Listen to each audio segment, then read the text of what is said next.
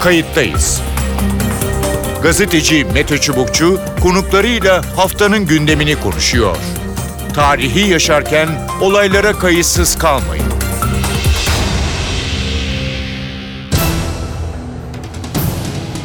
İyi günler bir kayıttayız programıyla daha karşınızdayız. Tarihe ışık tutmak ve olan biteni anlamak için önümüzdeki dakikalarda sizlerle birlikte olacağız. Ben Mete Çubukçu, editörümüz Sevan Kazancı.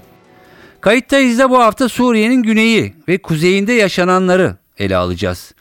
Esad rejiminin 20 Haziran'da Dera iline muhaliflerin kontrolündeki sivil yerleşimleri ele geçirmek için başlattığı operasyon nedeniyle ülkenin güneyinde Ürdün ve İsrail sınırına göçler devam ediyor. Ancak Ürdün kapıları açmıyor. Göç edenlerin sayısının 300 bini geçtiği söyleniyor Birleşmiş Milletler tarafından. Bu arada tabii ki Suriye yönetimi, Şam yönetimi de egemenlik yani kontrol alanını giderek genişletiyor. Suriye'nin kuzeyinde ise Türkiye açısından önemli gelişmeler var. Malum Amerika ile bir mutabakata varılmıştı Membiş'le ilgili ve yol haritasının uygulama safhasında olduğu yetkililerce söyleniyor. Şehrin içine girme zamanının geldiği de belirtiliyor. Kayıttayız da bu hafta Suriye'deki gelişmeleri konuşacağız. Çünkü önümüzdeki günlerde Suriye çok daha fazla geçtiğimiz dönemlerde olduğu gibi gündemimize gelecek. Kayıttayız'ın konuğu doçent Hasan Basri Yalçın. Hasan Basri Yalçın İstanbul Ticaret Üniversitesi öğretim üyesi. Hoş geldiniz programımıza. Hoş bulduk. Ee, uzun süredir tabii ki seçim dolayısıyla e, normal olarak e, içeriye, iç politikaya e, yoğunlaşmıştı Türkiye ama tabii ki dünyadaki olaylar, Türkiye'nin çevresindeki olaylar e, devam ediyor. Onlar e, durmuyor. En önemlisi Türkiye'yi yakından ilgilendiren Suriye meselesi. Suriye'de son dönemde ne oluyor? Hem kuzeyinde hem e, güneyinde diye e, başlayalım. E, genel bir çerçeve e, çizebilir misiniz? Hem kuzey hem güney için sonra detayları konuşalım. Buyurun. Ee, şöyle söyleyelim, ee, yani Suriye'deki oyun aslında hiç durmadı. Hı hı. Ee, ama baştan bu yana hala cevap bekleyen çok temel sorular var. Evet. Mesela bunların en başında Amerika'nın pozisyonunun hala netleşmemiş. Hı. Ee, bütün oyuncuların sürekli Suriye meselesinde kendi pozisyonlarını ertelemelerine, sadece kontrol ettikleri alanları genişletmelerine neden oluyor. Yani eğer Amerika'nın pozisyonu netleşmediyse Rusya'sı, Türkiye'si, İran ve diğer daha küçük e, ölçekli aktörler e, hep e, alanlarını kontrol etmek ve oradaki nüfuzlarını artırmakla gün geçiriyorlar. Yani pozisyon netleşmiş olsa şayet, Amerika'nın pozisyonu netleşmiş olsa şayet, herkes ona göre yeniden pozisyon alabilir. Amerika'nın pozisyonunun Suriye'de yakın zamanda netleşmesini de beklemek çok mümkün gözükmüyor. Çünkü İran meselesi e, ve nükleer anlaşma üzerinden mesela bir dönem Hı. hızlanan tartışma şu an tekrar e, ne oldu? Biraz daha soğudu diyelim. E, dolayısıyla biraz e, daha böyle bir sürüncemede devam edecek. E, bütün hem kuzeyde hem güneyde olan olayları da bu çerçevede değerlendirmek lazım. Yani herkes ileride doğabilecek daha böyle e, dinamik bir Suriye sahnesinde pozisyonunu e, hazırlamakla meşgul. Yani bence Türkiye'nin Membiş'te yaptığı da aşağı yukarı buna benzer. Güneyde Dera bölgesinde olanlar da aşağı yukarı buna benzer resmi görüntüsü. Hı. Ee, yani herkes kendi belirlediği çerçevede şu an e, hani aslında statüko değil bu. Zaten dinamik bir Suriye, iç savaş Suriye'si var ama iç savaşın içerisinde bile e, statükoyu en azından kendi aleyhine bozulmasını engelleyecek alan markajları yapıyorlar diyebiliriz aktörler. Peki. Ee, Dışişleri Bakanı'nın e, açıklamaları vardı. E, ben işte Amerika ile devam eden e, yani hayata geçen bir süreç e, söz konusu. Ne dersiniz? E, nereye kadar e, ilerleyebilecek bu? Yani e, en azından kağıt üzerinde olduğu gibi e, alanda da bunun karşılığını görecek miyiz? Ee, Ben e, göreceğimiz ümidi içerisindeyim. Yani evet Amerika'nın bu anlamda Suriye'de Türkiye'ye verdiği birçok taahhüdü e, yerine getirmediğini hepimiz biliyoruz. Dolayısıyla hepimiz de bu anlamda e, işte yol haritası denilen şeyin uygulanılabilirliğinin ciddi soru işaretleri barındırdığını biliyoruz. E, ama ben uygulanılabileceği kanaatindeyim. Çünkü Türkiye e, Fırat Kalkanı ve e, Afrin operasyonu esnasında öylesine e, elini güçlendirdi ki Hı hı. e, yani Türkiye'nin pürüzlü alanlarından ve Fırat'ın batı yakasında sadece Membiç kaldı. Oraya e, çok daha baskı yapabilir hale geldi Türkiye. Amerikalıların ben hatta Membiş konusunda çok daha fazla tavize hazır olduklarını düşünüyordum. Yani doğrudan doğruya Amerikalıların da çekilmesini gündeme getirebilecek e, bir uzlaşı bile çıkabilmesi. Hı hı. Ama şu an elde edilen uzlaşı da e, çok kısa vadede olmasa da uzun vadede doğrudan doğruya Türkiye'nin lehine sonuçlanabilecek bir yol haritası geliyor. Çünkü şöyle düşünün Membiç aslında e, bir Arap şehri ve bölge Arap nüfus, nüfusunun yoğunlukta olduğu bir bölgeydi. Dolayısıyla Türkiye ve Amerika'nın ortak kontrolü sağlandığı günden itibaren PKK'lıların oradan çıkarılmasıyla birlikte e, bölge Arap nüfuzuna açık hale gelecek E, ve dolayısıyla uzun vadede Türkiye'nin beklentisi gerçekleşecek diye. E, dolayısıyla uzlaşı bence çok önemli. Yani Türkiye'nin özellikle Fırat'ın batı yakasını tamamen temizlemesi anlamına geliyor.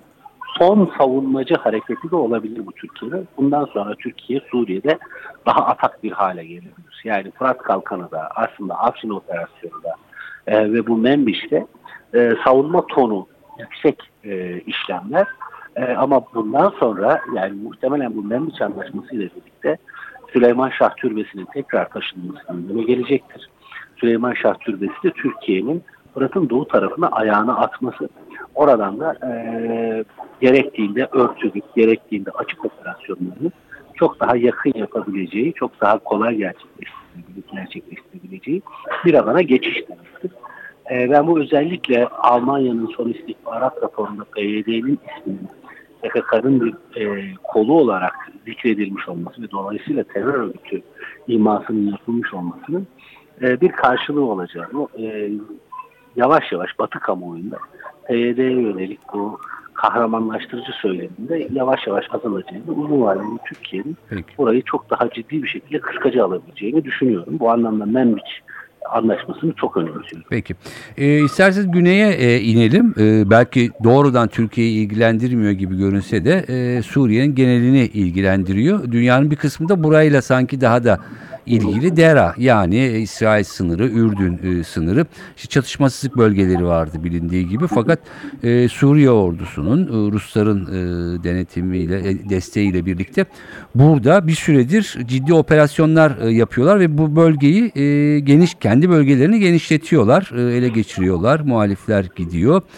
E, şu söyleniyor, İran'ı bölgeden uzaklaştırdılar. İsrail de e, bu konuda e, hem fikir. E, dolayısıyla orayı da daha kolay temizlemeye tırnak içinde başladılar. E, ne oluyor e, güneyinde? E, su, ben- buyurun. İran İran meselesinin e, bir ilave olarak söylenebileceğini düşünüyorum ama yani İran'ı uzaklaştırma olmasa, İsrail razı olmasa dahi e, orada Rusya ve rejimin e, hakimiyeti zaman içerisinde kurabileceğini düşünüyorum. Hı. E, çünkü rejimin kontrol etmediği ender yerlerden birisi. E, orada süreç kendisini bir şekilde tamamlayacak. E, biliyorsunuz çok kanlı oluyor, çok e, rahatsız edici görüntüler ortaya Evet çıkıyor. 200-300 bin kişi arasında tekrar sınıra yığıldığı söyleniyor. Yani Evet, Ürdün çok, sınırına çok doğru. insani açıdan çok e, yine çok temel sorunların yaşanabileceği bir bölge, yaşanacağı bir bölge. E, ama Ruslar ve rejim e, maalesef bunu yapacaklar bu bölgeyi. E, kendileri açısından temizleyecekler. Yani bu anlamda e, İsrail'in, koalisyonun, Amerika'nın falan pozisyonlarına çok bakmayacaklar. Bu zamana kadar m, birçok yerde yaptıklarına benzer operasyonları maalesef e, burada da yürüteceklerini ve bunu elde edeceklerini zannediyorum. Çünkü uluslararası kamuoyunun artık bu konuda e, ne üretebileceği bir argüman kaldı, e, ne harekete geçeceğine dair ufacık bir görüntü var.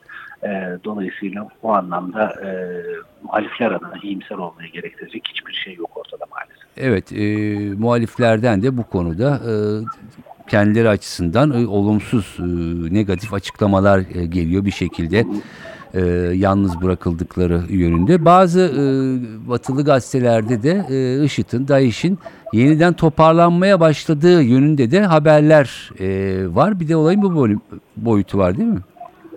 Yani var ama yani biliyorsunuz bu şey gibi e, yani kullanışlı hale geldikçe bu kavramlar kullanılıyor. Hı. Yoksa hani e, DAEŞ'in artık Suriye topraklarında öyle e, çok ciddi bir varlık göstermesi izin verilmediği müddetçe mümkün gözükmüyor. Dolayısıyla bu tür şeyler söylenir, yapılır edilir. Çeşitli şehirlerde e, varlıkları izlenir. Ama ben e, yani Suriye'de bir DAEŞ gerçeğinin aslında tamamen belinin kırıldığını, çöktüğünü, böyle bir varlığın örgütsel anlamda kendisini hissettiremeyeceğini düşünüyorum. Hı hı. Ee, onlar zaten birçok örgütün içerisine dağıldılar. Birçok muhalif gruplardan tutun da yani rejim gruplarının bile bence içerisine ciddi anlamda dağıldılar. Bunlar kendilerini bir şekilde buharlaştırmanın peşindeler. Ee, o artık çok ciddi bir e, şey gibi gelmiyor bana. Yani çok e, ciddi bir varlık gibi gelmiyor bana. Ama şeyle benzeştirmek lazım yani. Türkiye'deki FETÖ hareketliliği gibi yani bitirirsiniz, elini kırarsınız ama bir çeşit e, yalnız kurtlardan tutun da e, intihar eylemcilerine kadar çeşitli e, bireysel hareketlilikler veyahut da ne diyelim toplumsal tabanda çeşitli inanç gruplarında varlığını hissettirecektir. Eğer boşluk bulursa kendisini yaratacaktır. Ama şu an Suriye'de bir boşluk doğmasını ben şahsen çok beklemiyorum. E, o anlamda DAEŞ'i çok e, öncelikli bir tehdit olarak görmüyorum. Peki e, son bir soru biraz da kısa cevap e, rica edeceğim. Yani bu çizdiğiniz e, manzara sonucunda e, evet Suriye yönetimi rejimi e, aşağı doğru biraz daha hakimiyetini arttıracak. E, kuzeydeki bölgeler artık e, belli. Türkiye Membiş'ten başlayarak biraz daha taleplerini e, hayata geçirmek için e, zorlayacak. Bunun ötesinde bir şey e, görüyor musunuz yakın vadede? Yani e, Amerikalılar hareket etmediği müddetçe e, Türkiye ve Rusya bastırmaya devam edecek gibi geliyor bana. Yani e, ben özellikle kuzey bölgesinde Türkiye'nin elinin e, çok daha fazla rahatlayacağı ümidi içerisindeyim. Bu sadece bir ümit değil. E, aslında bu e, objektif bir okuma olarak da değerlendirilebilir. Ben o kötü günlerin e, Türkiye adına Suriye'de e, geride kaldığını düşünüyorum. E, iyi yönetilebilirse bu süreç e, son derece avantajlı çıkabileceğini düşünüyorum. Çünkü e, yakın dönemde diğer aktörlerin Amerika başta olmak üzere yönelebilecekleri başka alanlar bu kuzey bölgesinin doğrudan doğruya Türkiye'nin e, avucunun içerisine düşmesi gibi bir sonuç bile doğurursa bu kimseyi şaşırtmaz. Peki. Çok teşekkür ediyorum. Doçent Ben Hasan Basri. Yalçın İstanbul Ticaret Üniversitesi öğretim üyesi sorularımızı yanıtladı. Kayıttayız'ın konuğu doçent Nihat Ali Özcan. Nihat Ali Özcan, Türkiye Odalar Borsalar Birliği Üniversitesi öğretim üyesi. Aynı zamanda Milliyet Gazetesi yazarı. Hoş geldiniz programımıza. E, Merhabalar, iyi yayınlar diliyorum. E, malum e, tabii ki seçim dolayısıyla içeri yoğunlaştık ama etraftaki olaylar e, durmuyor, devam ediyor. E, bir yandan Türkiye'nin Amerika ile e, bir şekilde e, anlaştığı, e, uzlaştığı bir Membiç e, protokolü var. E, bir bunu soracağım. İki harita e, giderek kırmızılaşıyor, kırmızılaşıyor derken e, Suriye yönetiminin e, alanı genişliyor gibi özellikle Dera yani Ürdün, e, İsrail sınırına yakın e, bölgedeki bir yandan muhalifleri oradan e, çıkarmaya çalışıyorlar. Bir yandan 200-300 bin kişilik bir insani göç de söz konusu Ürdün'e doğru. Kuzeyden başlayalım isterseniz. E, Membiç mutabakatı anlaşması adına diyeceksek e, ilerleyecek mi kağıt üzerinde yazıldığı gibi? Buyurun. E, şimdi tabii kağıtta ne yazıldığı ya da zamanla ilgili bir taahhüt mü var yoksa içerik üzerinde tartışmalar devam ediyor? Onu açıkça kamuoyu bilmiyor. Evet. Ama dışa yansıyan kısımlara baktığımızda aslında ortada üzerinde tartışılmak tartışılmaya mutabık kalmış bir tartışma var. Ama bu yol haritasının zaman ve tarihlendirilip tarihlendirilmediği konusunda bir fikrimiz yok. Çok da emin değilim. E, çünkü şu anda Amerika Birleşik Devletleri bir taraftan Membiç konusunda Türkiye'yi bazı konularda konuşmaya ikna ederek devam ederken bir taraftan da tabi biliyorsunuz e, özellikle Irak sınırı boyunca operasyonlarına devam ediyor.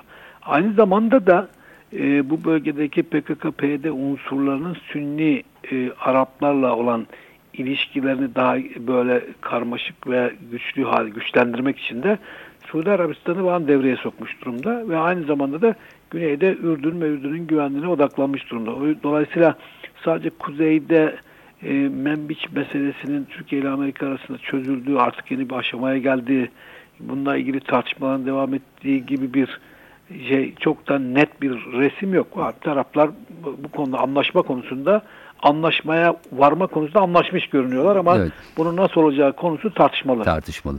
Peki e, mesela bir alt başlık olarak Süleyman Şah Türbesi sınırın yakınına getirilmişti bir operasyonla E, hatırlayacak olursa belki dinleyicilerimiz e, IŞİD'in e, bölgeye yaklaştığı e, dönemlerde e, orası tahrip edilmiş ve o, o türbe Türkiye sınırlarının yakınına getirilmişti. Şimdi tekrardan oraya dönme ihtimali üzerinden bahsediliyor. E, ne kadar e, gerçekçi bu yaklaşım e, ya da ne kadar yakın? Şimdi e, tabii bu, bu e, türbenin olduğu yer ve Türkiye'nin türbe üzerindeki hakkı uluslararası hukuk tarafından korunan bir hak. Evet. Dolayısıyla ortalık sakinleşip işler bir noktaya geldiğinde e, hani Suriye'nin hazır değilim diye bir takım bahaneler üretmesine fırsat vermeden e, Türkiye bu süreci e, tartışmalar şeyler devam ederken yani Suriye merkezi hükümeti buradan uzakken bu hakkını e, icra etmeye çalışıyor. Çünkü öbür türlü belki ileride çok başka bahanelerle e, öt- sürekli öteleyebilir. Bu da Türkiye açısından tabii kabul edilebilir bir konu değil. E, çünkü biraz da prestij meselesi. E, o yüzden Türkiye bunu gündeminde ve sıcak olarak tutuyor. E, ve türbenin orijinal yeri e, eğer e, işte şey, PYD tarafından işgal edildiği yer boşaltılır ve ortaya böyle bir imkan çıkarsa Türkiye bunu taşıma konusunda kararlılığını en azından göstermek için şu anda bir mesaj veriyor. Peki. Ee, ne dersiniz? Ee, son bu sorum olsun Kuzey e, tarafından e, ortak yönetim e, talep ediliyordu. Ee, yani yeni bir yerel yönetim daha doğrusu ama gelen haberler Amerikalıların Türkiye'nin e, sunduğu isimleri e, kabul etmediği ya da sıcak bakmadığı e, yönünde. Buna nasıl sağlanacak? Amerika gördüğümüz kadarıyla bir yandan Türkiye'nin hakikaten e, taleplerini karşılamaya çalışıyor gibi görünürken bir yandan da ayak mı sürüyor acaba? Bence e, artık bu filmin yani bütün bu olup bitenlerin tabii esas oyuncuları ile böyle ikincil oyuncular var. Şimdi esas oyunculardan kastım şu. e, önümüzde biliyorsunuz Helsinki'de Amerika Birleşik Devletleri ile Rusya Devlet Başkanları arasında bir görüşme var. Evet.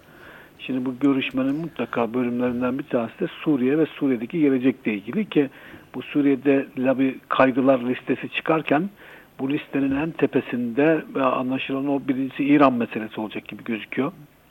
Yani İran'ın Suriye dahil ve Irak ve bölgedeki rolü ve Rusya ile olan ilişkileri. İkinci kaygılandırılan ve da ilişkilendirilen konumda İsrail'in İsrail. güvenliği olacağı gibi gözüküyor. Bu da İran'la biraz daha ilişkili.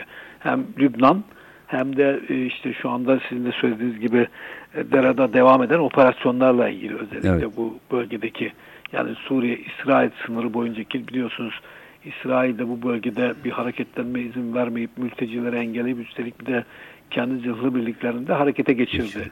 Olası gelişmelerle ilgili olarak tedbir olarak. Şimdi bu- bu çerçevede tartışma devam edilirken ana resim eğer şekillenecek olursa o resme göre taraflar kendi kontrolünde bulunan ya da ittifakları üzerinde bir takım şeye gidecekler angajmana. Şimdi ondan sonraki süreçte biz nasıl bir Suriye ortaya çıkacağını e, bu ortaya çıkacak olan Suriye modelinde hangi aktörlerin ne gibi roller üstlenmesi konusunun masaya yatırılacağını daha net göreceğiz. Şüphesiz Türkiye Evet. kendi görüşlerini, düşüncelerini bir mesaj olarak veriyor. Hem hareketleriyle hem bunu diplomatik alandaki söylemleriyle. Ama dediğim gibi bu ikili görüşme yani Amerika Birleşik Devletleri ile Rusya Devlet Başkanı görüşmesi aslında bize genel çerçeveyi ondan sonraki aşamada olup bitenler de tarafların kendi kontrolündeki bölgedeki belki yerel biraz daha operasyonel düzenlemeleri ortaya koyacak. İşte o zaman Türkiye en azından şimdiden ön almak için bu tür hamleleri yapmaya devam ediyor.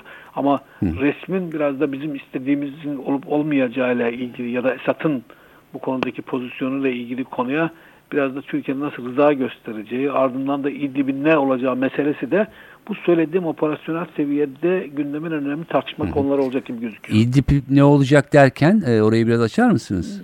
Şimdi e, tabii İdlib e, gittikçe e, içinde basıncın arttığı bir şeye benziyor, balona benziyor. Çünkü e, Ruslar özellikle e, Esad'ı ve İran'ı razı ederken İdlib'i biraz da e, kendileri açısından doğrudan çatışarak ya da bir maliyet ödeyerek savaşarak ortadan kaldırdıkları kaldıracağı silahlı militanlardan ya da kendince tırnak içinde e, cihadist teröristler tanımı içerisinde olanları bu bölgeye iyice yığdı. Şimdi burada beklenti şuydu. Türkiye bunların bir kısmını en azından transforme edecek. Yani silah bırakmaya, muhaliflerin içerisinde olmaya ve böylece masaya oturarak muha- bu konunun pazarlık yapılarak yani çatışmayı konuşarak çözebilecek bir aşamaya getirmeyi düşünüyordu ama şu anda İdlib'in içerisinde bulunan grupların dönüştürülmesi konusu biraz hem yavaş gidiyor hem de biraz sorunlu. Dolayısıyla hem Amerika hem Rusya bu Helsinki'deki görüşmeden sonra Suriye'nin genel olarak içerisinde kendilerinin terörist olarak tanımladığı, terörist yabancı savaşçı olarak tanımladıklarıyla birlikte bunların gelecek ve mukadderatlar hakkında da bir karar alacaklar gibi gözüküyor.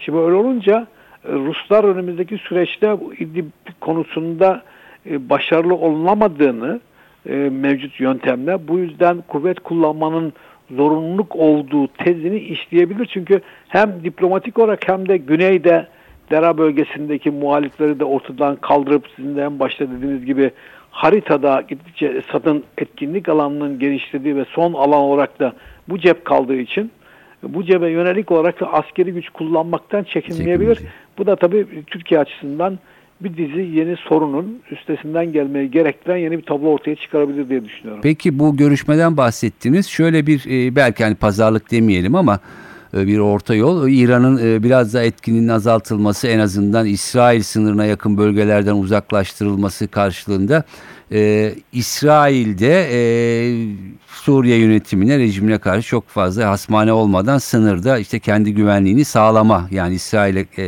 İran'a karşı İsrail'in güvenliği e, konusu ne dersiniz? E, Yani haklısınız çünkü İsrail açısından bakarsanız aslında Arap Baharı ile başlayan süreçte en karlı çıkan ülkelerden birisi. Sonuçta bir terör örgütü hiçbir zaman yani İsrail ölçeğinde bir, bir beka sorununa dönüşemez. Yani kontrol edilebilir düzeyde e, alt düzeyde bir güvenlik sorunu olarak görüyor terörizmi. Çünkü Arap Baharı ile beraber İsrail'i doğrudan meydan okuyacak bir e, Arap devleti, Arap gücü kalmadı. Kalmadı. Buna şeyle dahil işte Suriye, Mısır ve diğerlerini düşünecek olursak. Şimdi böyle olunca da İsrail e, kendi kuzey sınırlarını garanti altına almak için İran'ı buradan mümkün olduğu kadar İran ve İran'ın vekaleten çatışmalarını bölgeye taşıyan aktörleri kuzeyden sürmeye çalışıyor. Bunun içinde anlaşılan o ki daha önce biliyorsunuz Netanyahu müteahhit defalar Moskova'ya gitti geldi. Bu konuda bir uzlaşma olduğu ortada. Bu uzlaşmayı da Amerika ile paylaşmış olması da hiç sürpriz olmaz. O yüzden İran'ın e, buradaki rolünü ve e, varlığını İsrail açısından tehlike olmayacak bir aşamaya getirecek. Öte yandan İsrail Esad'ın varlığı ve buradaki rolünü devam ettirmesine de itirazı yok. Çünkü Esad İsrail açısından baktığınızda hem Suriye'nin bütünlüğünü muhafaza etmeye, kendisinin de tehdit olarak gördüğü radikal hareketleri kontrol etmeye bu manada özellikle cihadist tırnak içinde Hem de biraz güç kaybetmiş biraz değil. Bayağı Yani güç kaybetmiş güç kaybetti artık bir tehdit olmaktan çıktı. Dolayısıyla ona rıza gösterecektir ve onun kalmasına da şey- çünkü onun kalmasına rıza göstermek aslında bir anlamda Türkiye'ye de mesaj. Bir taraftan tabii e, şeye de e, İran'ın da e, ort müttefikinden ayrılması anlamına geliyor. Bu da İsrail'in şu an izlediği yolu bize anlatıyor aslında. Peki. Ee, son ne dersiniz? Kısa bir yanıt lütfen. Yani kısa vadede e, ne beklemek gerekiyor? Yoksa bu hani şu andaki e, mevcut statüko bir süre daha devam eder mi? Bence şöyle bu müzakere devam edecek de bu yani bizim e, istikrarlı bir Suriye için uzun yıllar beklememiz gerekecek. O belki 30-40 yıl tartışacak da daha içeride de tartışılacak. Ama ben önümüzdeki süreçte önce İdlib'in bizim Evet. gündemimize geleceğini, daha sonra e, doğusunu, Fırat'ın doğusundaki tartışmalara tanıklık edeceğimizi, en sonunda da e, şu andaki Afrin ve Elbap civarındaki bölgenin Suriye merkez, Suriye'deki merkezi şeye hükümete ya da Şam'a nasıl devredileceği, ne karşı devredileceği, hangi mekanizmalar kurulacağı konusunun bir taraftan da tartışılmaya açılacağını düşünüyorum. Peki. Çok teşekkür ediyorum Ben teşekkür programımıza ederim. İyi katıldığınız ve görüşlerinizi bizle paylaştığınız için. Evet görüşler böyle. Suriye'de Olaylar devam ediyor, gelişmeler var ve önümüzdeki dönemde hızlanması da çok mümkün. Türkiye'yi sadece Türkiye'yi değil birçok ülkeyi ilgilendiriyor ama tabii ki Amerika ve Rusya'nın liderlerin neler konuşacağı, ne tür tırnak içinde kararlar alacağı da Suriye'nin geleceğinde önemli rol oynayacak ancak Türkiye özellikle Suriye'nin kuzeyinde kararlılığını devam ettiriyor. Kayıttayız'dan bu haftalık bu kadar. Ben Mete Çubukçu, editörüm Sevan Kazancı. Önümüzdeki hafta farklı bir konuyla yeniden buluşmak üzere. Hoşçakalın. Kayıttayız. Gazeteci Mete Çubukçu konuklarıyla haftanın gündemini konuşuyor. Tarihi yaşarken olaylara kayıtsız kalmayın.